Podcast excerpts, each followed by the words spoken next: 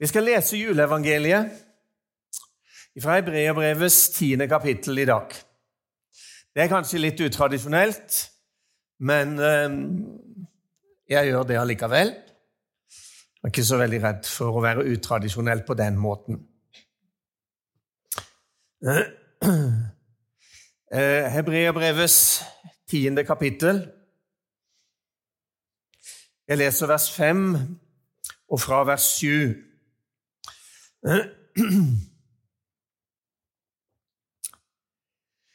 Derfor sier Kristus når han kommer inn i verden Se, her kommer jeg for å gjøre din vilje, Gud. I bokrullen er det skrevet om meg. Først sier han Slaktoffer og offergaver, brennoffer og syndoffer ville du ikke ha og hadde du ikke glede i, enda det er slike offer som bæres fram etter loven. Deretter sier han, Se, her kommer jeg for å gjøre din vilje. Han opphever det første og lar det andre gjelde. Herre, vi takker deg for ditt ord. Vi takker deg for muligheten til å samles i dag. Vi takker deg for høytiden. Vi takker deg for at vi kan minnes at du kom, og betydningen av at du kom. Herre, vi ber òg i dag om eh, Åndens åpenbaring over ditt ord, at du velsigner oss i fellesskapet. Og Vi ber for alle mennesker utover hele vår verden, det som feirer i dag, og det som lider i dag. Herre, du ser og kjenner hver enkelt. Og så tror vi, midt i alt vi ikke forstår, så tror vi at du er den som sitter på tronen, og som har makten, og som har oversikten, og som har kontrollen. Og så får vi òg lov til å tro at du, store og veldige, er midt iblant oss i formiddag. Og det takker vi deg for i Jesu navn. Jeg syns det er noe majestetisk å lese. Dette sier Kristus når han kommer inn i verden. Vi har liksom ofte fokus i julefeiring eh, på et lite barn en krybbe, en stall og alt dette her. Men uh, dette syns jeg er noe majestetisk over. Jeg satt nå i adventstida og, og hørte på et intervju med en, um, en, svensk sanger, en av disse her som var med i Alle tiders sanger. Jeg husker ikke navnet hennes. Uh, men så fortalte hun det at hun, hun hadde skrevet en julemusikal. Eh, og Mange har skrevet julemusikaler, og veldig mange julemusikaler er veldig fine. og, og vi, vi, er veldig glad i. Men hun sa det at når jeg skrev denne julemusikalen, som hun for øvrig fortalte om hvordan hun på en måte hadde opplevd at hun fikk og bare skrev sånn i, i noen korte eh, minutter, så var det liksom gjort. Så sier hun når jeg skrev denne julemusikalen, så begynte jeg med en scene ifra himmelen. Og hva var denne scenen ifra himmelen?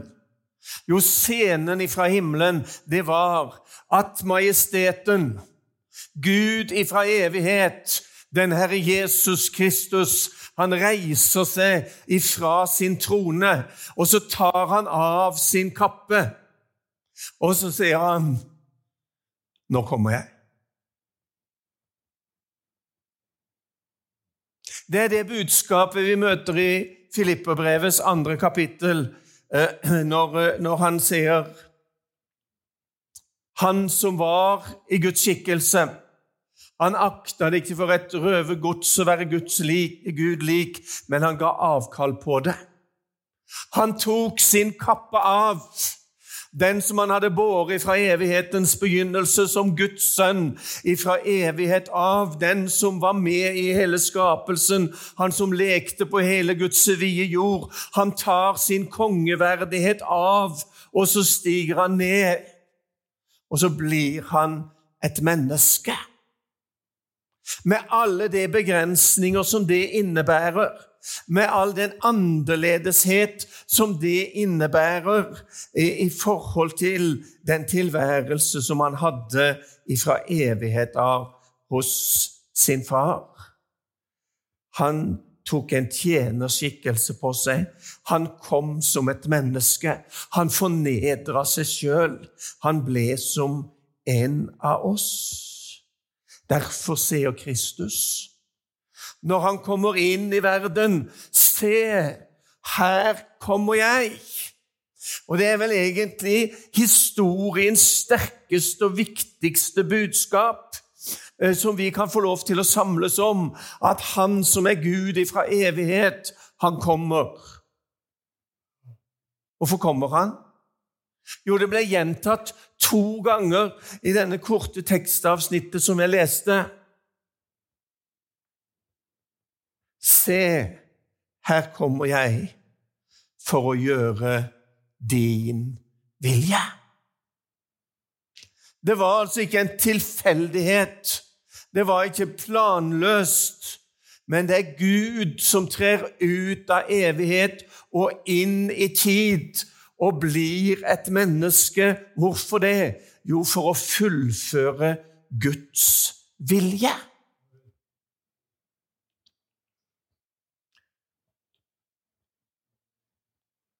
Og hva er Guds vilje?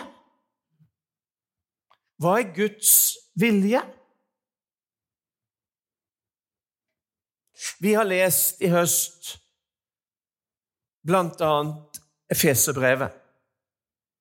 I Efeserbrevet så forteller Paulus at det var en hemmelighet. Det lå noe der i Guds hjerte. Det lå en plan ifra evigheten av som Gud på en måte våker over, og som ligger der som en hemmelighet. Og Paulus han, han sier i, i Efeserbrevets tredje kapittel og vers fem Det var ikke gjort kjent for menneskene i tidligere slekter. Det var altså en del av Guds plan som ligger der som en hemmelighet som ikke er gjort kjent for menneskeheten i tidligere slekter.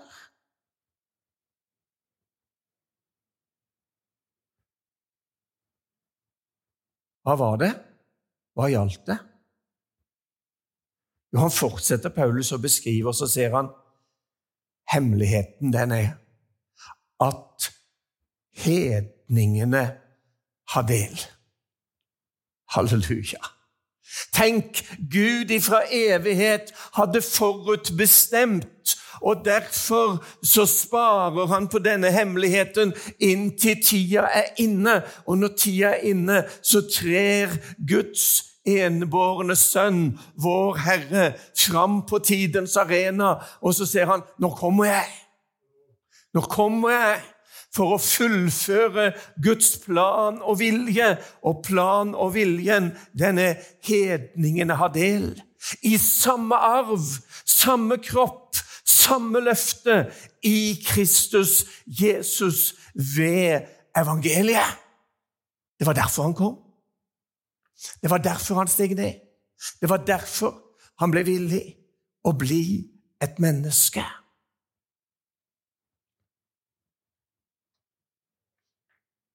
Men midt i denne hemmelighetsgreia så sier han i bokrullen var det skrevet om meg. Altså Det var en hemmelighet fordi det lå på en måte et slør over storheten og herligheten og det virkelige innholdet. Men om det lå et slør over det, så var det kjent ifra den gamle boka. Det var beskrevet i de gamle bokrullene. Det var beskrevet i de gamle skriftene, men det var egentlig først etter at han kom, og etter at han oppsto, og etter at han åpenbarte seg for disiplene, at de virkelig skjønte hva som var beskrevet i de gamle bokrullene.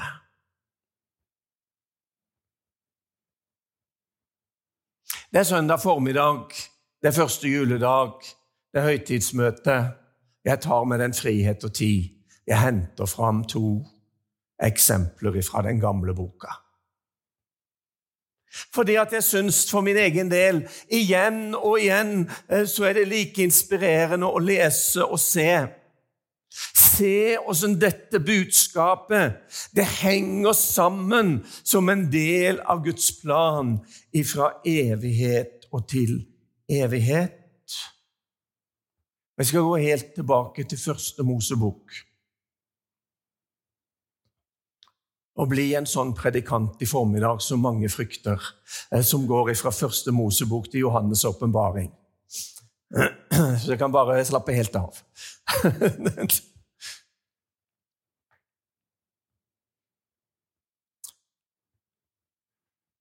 Patriarken Jakob, han står der med sine tolv sønner på slutten av sitt liv. Og så kaller han de sammen, og så sier han, 'Kom sammen, så vil jeg fortelle dere det som skal hende dere i dager som kommer.' Altså, han, Jakob han, han, kaller til seg sønnene sine, og så, så forteller han nå kommer det et profetisk budskap. For det å fortelle om dager som kommer, det er et profetisk budskap. Og så sier han til sine sønner nå skal dere komme sammen, og så skal dere få, hver enkelt av dere skal få et profetisk budskap. Og så kommer han i vers 8 til Juda. Og så beskriver han fra vers 9 til Juda, og så sier han Juda er en ungløve.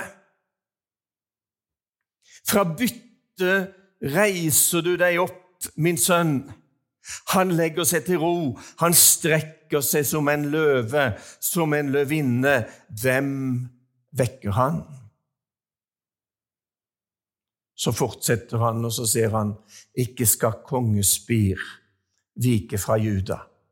Ikke herskerstav fra hans føtter inntil fredsfyrsten kommer, og folkene blir han lydige.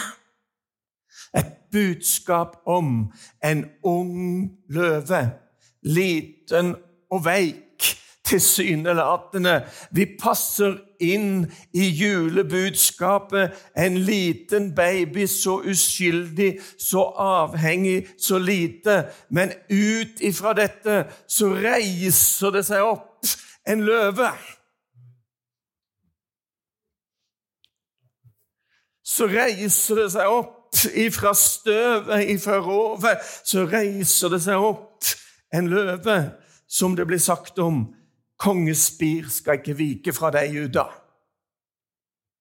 Kongerekkene skal følge storheten og herligheten, skal følge deg inntil han kommer. Inntil han kommer.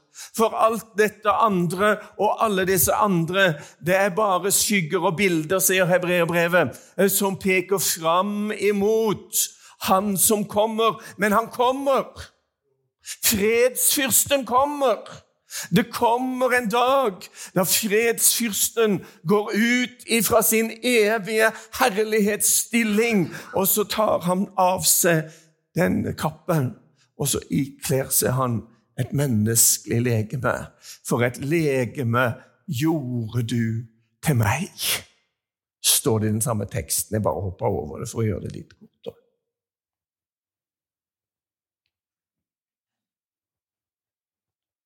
Jeg går til profeten Jesaja.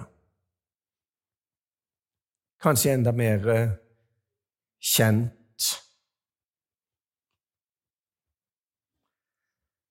Kjent til og med fra noen gamle julesanger som kanskje ikke alle kjenner i dag. profeten Jesaja kapittel 11. En kvist skal skyte opp av Isais stubbe. Et skudd skal skyte fram fra hans røtter. Herrens ånd skal hvile over han, en ånd med visdom og forstand, en ånd med råd og styrke, en ånd som gir kunnskap og frykt for Herren. Og vers 10 så står det den dagen skal Israels rotskudd stå som et banner for folkene. Folkeslagene skal søke til ham. Hva var Guds frelsesplan? At hedningene hører med. Sant? Den dagen så skal folkeslagene søke til ham, og hans bolig skal være herlighet. Jeg snakker om en ung løve. Jeg snakker om en liten baby. Her snakker vi om et ødelagt og mislykka prosjekt. Det sto bare en stubbe tilbake. Hva var det det sto en stubbe tilbake av?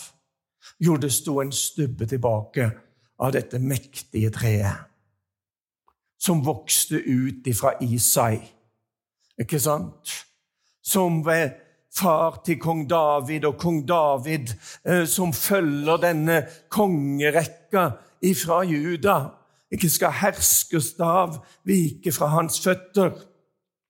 Inntil så følger denne rekka inntil kong David kommer og bygger dette mektige riket, som står der som et symbol på Guds storhet og makt og velde. Og så er det som et prosjekt som ødelegges. For etter Salomo kjenner vi, så hogges treet ned. Så blir det splittelse, så blir det ødeleggelse, så blir det ruin, og så blir det nesten ingenting igjen. Men så kommer profetbudskapet. Det mektige og synlige er falt. Men du har hogd såpass mye skau at du vet det er livskraft i stubben. Ikke sant? Du har sett en stubbe, åssen den kan stå der og se livløs og død ut, men plutselig så skyter det skudd. Og veldig ofte når det skyter skudd fra en stubbe, så skyter det ikke bare ett skudd, men da skyter det friske skudd i flertall da skyter det mer enn det noen gang var. Og ut av Isais stubb så ser altså profeten en kvist skal skyte opp. Det skal komme en, sier profeten Sakarias. Det skal komme en som heter Spire, og han skal spire opp av sin rot. Og han som heter Spire, som skal komme, han skal spire opp av sin rot, og han skal mer enn spire opp av sin rot. Han skal bygge Herrens tempel.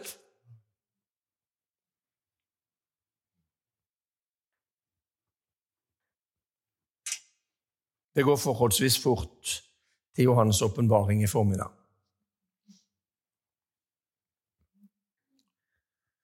Et av mine favorittsteder når Johannes i kapittel 4 i Johannes' åpenbaring får se en dør som er åpen i himmelen. Og så får han hilsningsbudskapet 'Johannes, kom opp, så skal du få se'. Tenk hvilket budskap. Tenk hvilken invitasjon. 'Johannes, kom opp, så skal du få se'. Og så beskriver Johannes det som han fikk se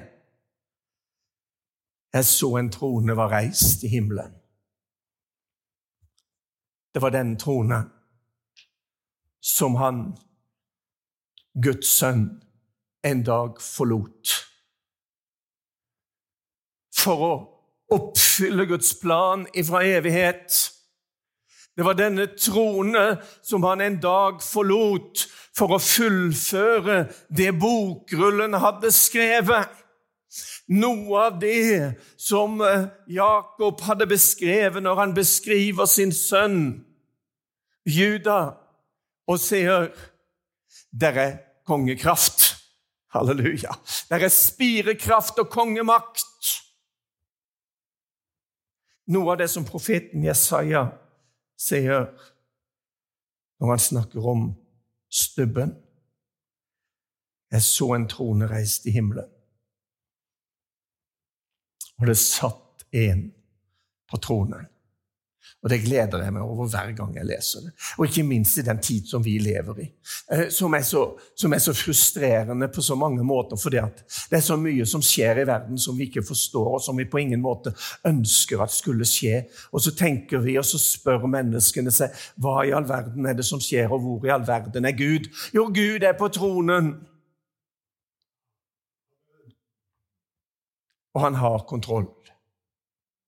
Og han gjennomfører sin frelsesplan.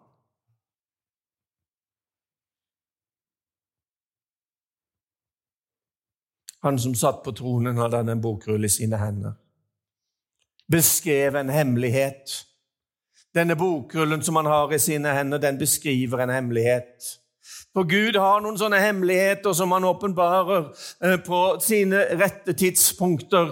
Og han som sitter på tronen, som Johannes får si, han har en bokrull i sine hender som inneholder en hemmelighet, og det fins ingen i himmelen og ingen på jorden og ingen under jorden eh, som har verdighet til å åpne den. Det er ingen som kan bryte den, og som kan ha mulighet til å se inn i hemmeligheten eh, som ligger beskrevet fra Guds hånd.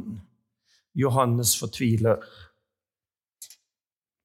Da står det i vers 5 i kapittel 5.: Men en av de eldste sa til meg Gråt ikke, Johannes, for løven Hør nå! For løven av Judas stamme, Davids rotskudd Ser du hvordan dette henger sammen? Fra første Mosebok til Johannes' åpenbaring så handler det ikke om tilfeldigheter, men det handler om at Gud, den allmektige Far fra evighet av, han fullfører sin plan gjennom sin sønn Jesus Kristus. Og når Johannes mot slutten av det hele skuer inn i himmelen, så vendes oppmerksomheten kun imot det ene. Og hvem er det? Løven av Judas stamme. Davids rotskudd. Han har seiret, og han kan åpne boken og bryte seilet på den. Halleluja. Dette er seierens evangelium presentert på en første juledag. Fordi at dette er ikke enskilte, atskilte hendelser, men dette er Guds plan som gjennomføres etter Guds evige vilje. Derfor sier apostelen Paulus tilbake til Efesebrevets tredje kapittel.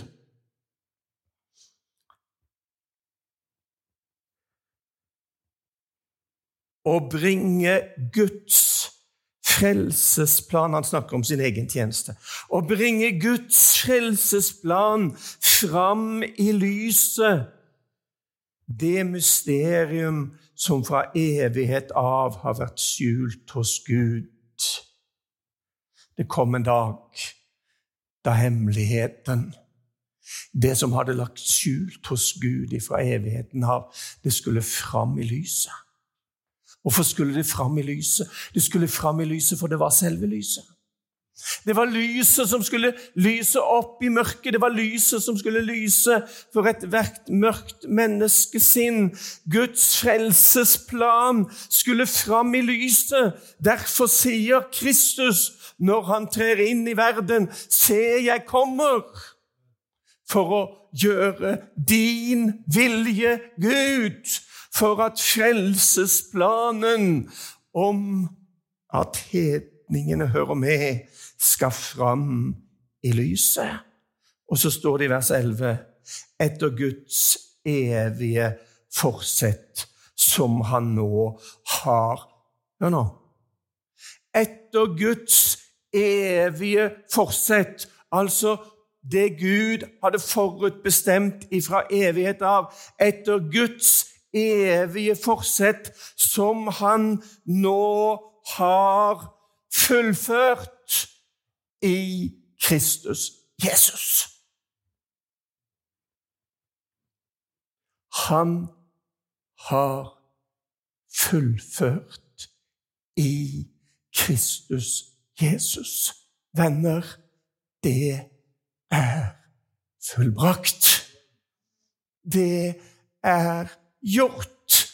Det er ferdig. Halleluja. Derfor sier Kristus det er ingen hvem som helst som taler, men det er han som kom for å fullføre Guds frelsesplan. Han som kom, han kommer. Og så leser jeg til slutt ifra det siste kapitlet i boka vår. Johannes' åpenbaring, kapittel 22 vers 16.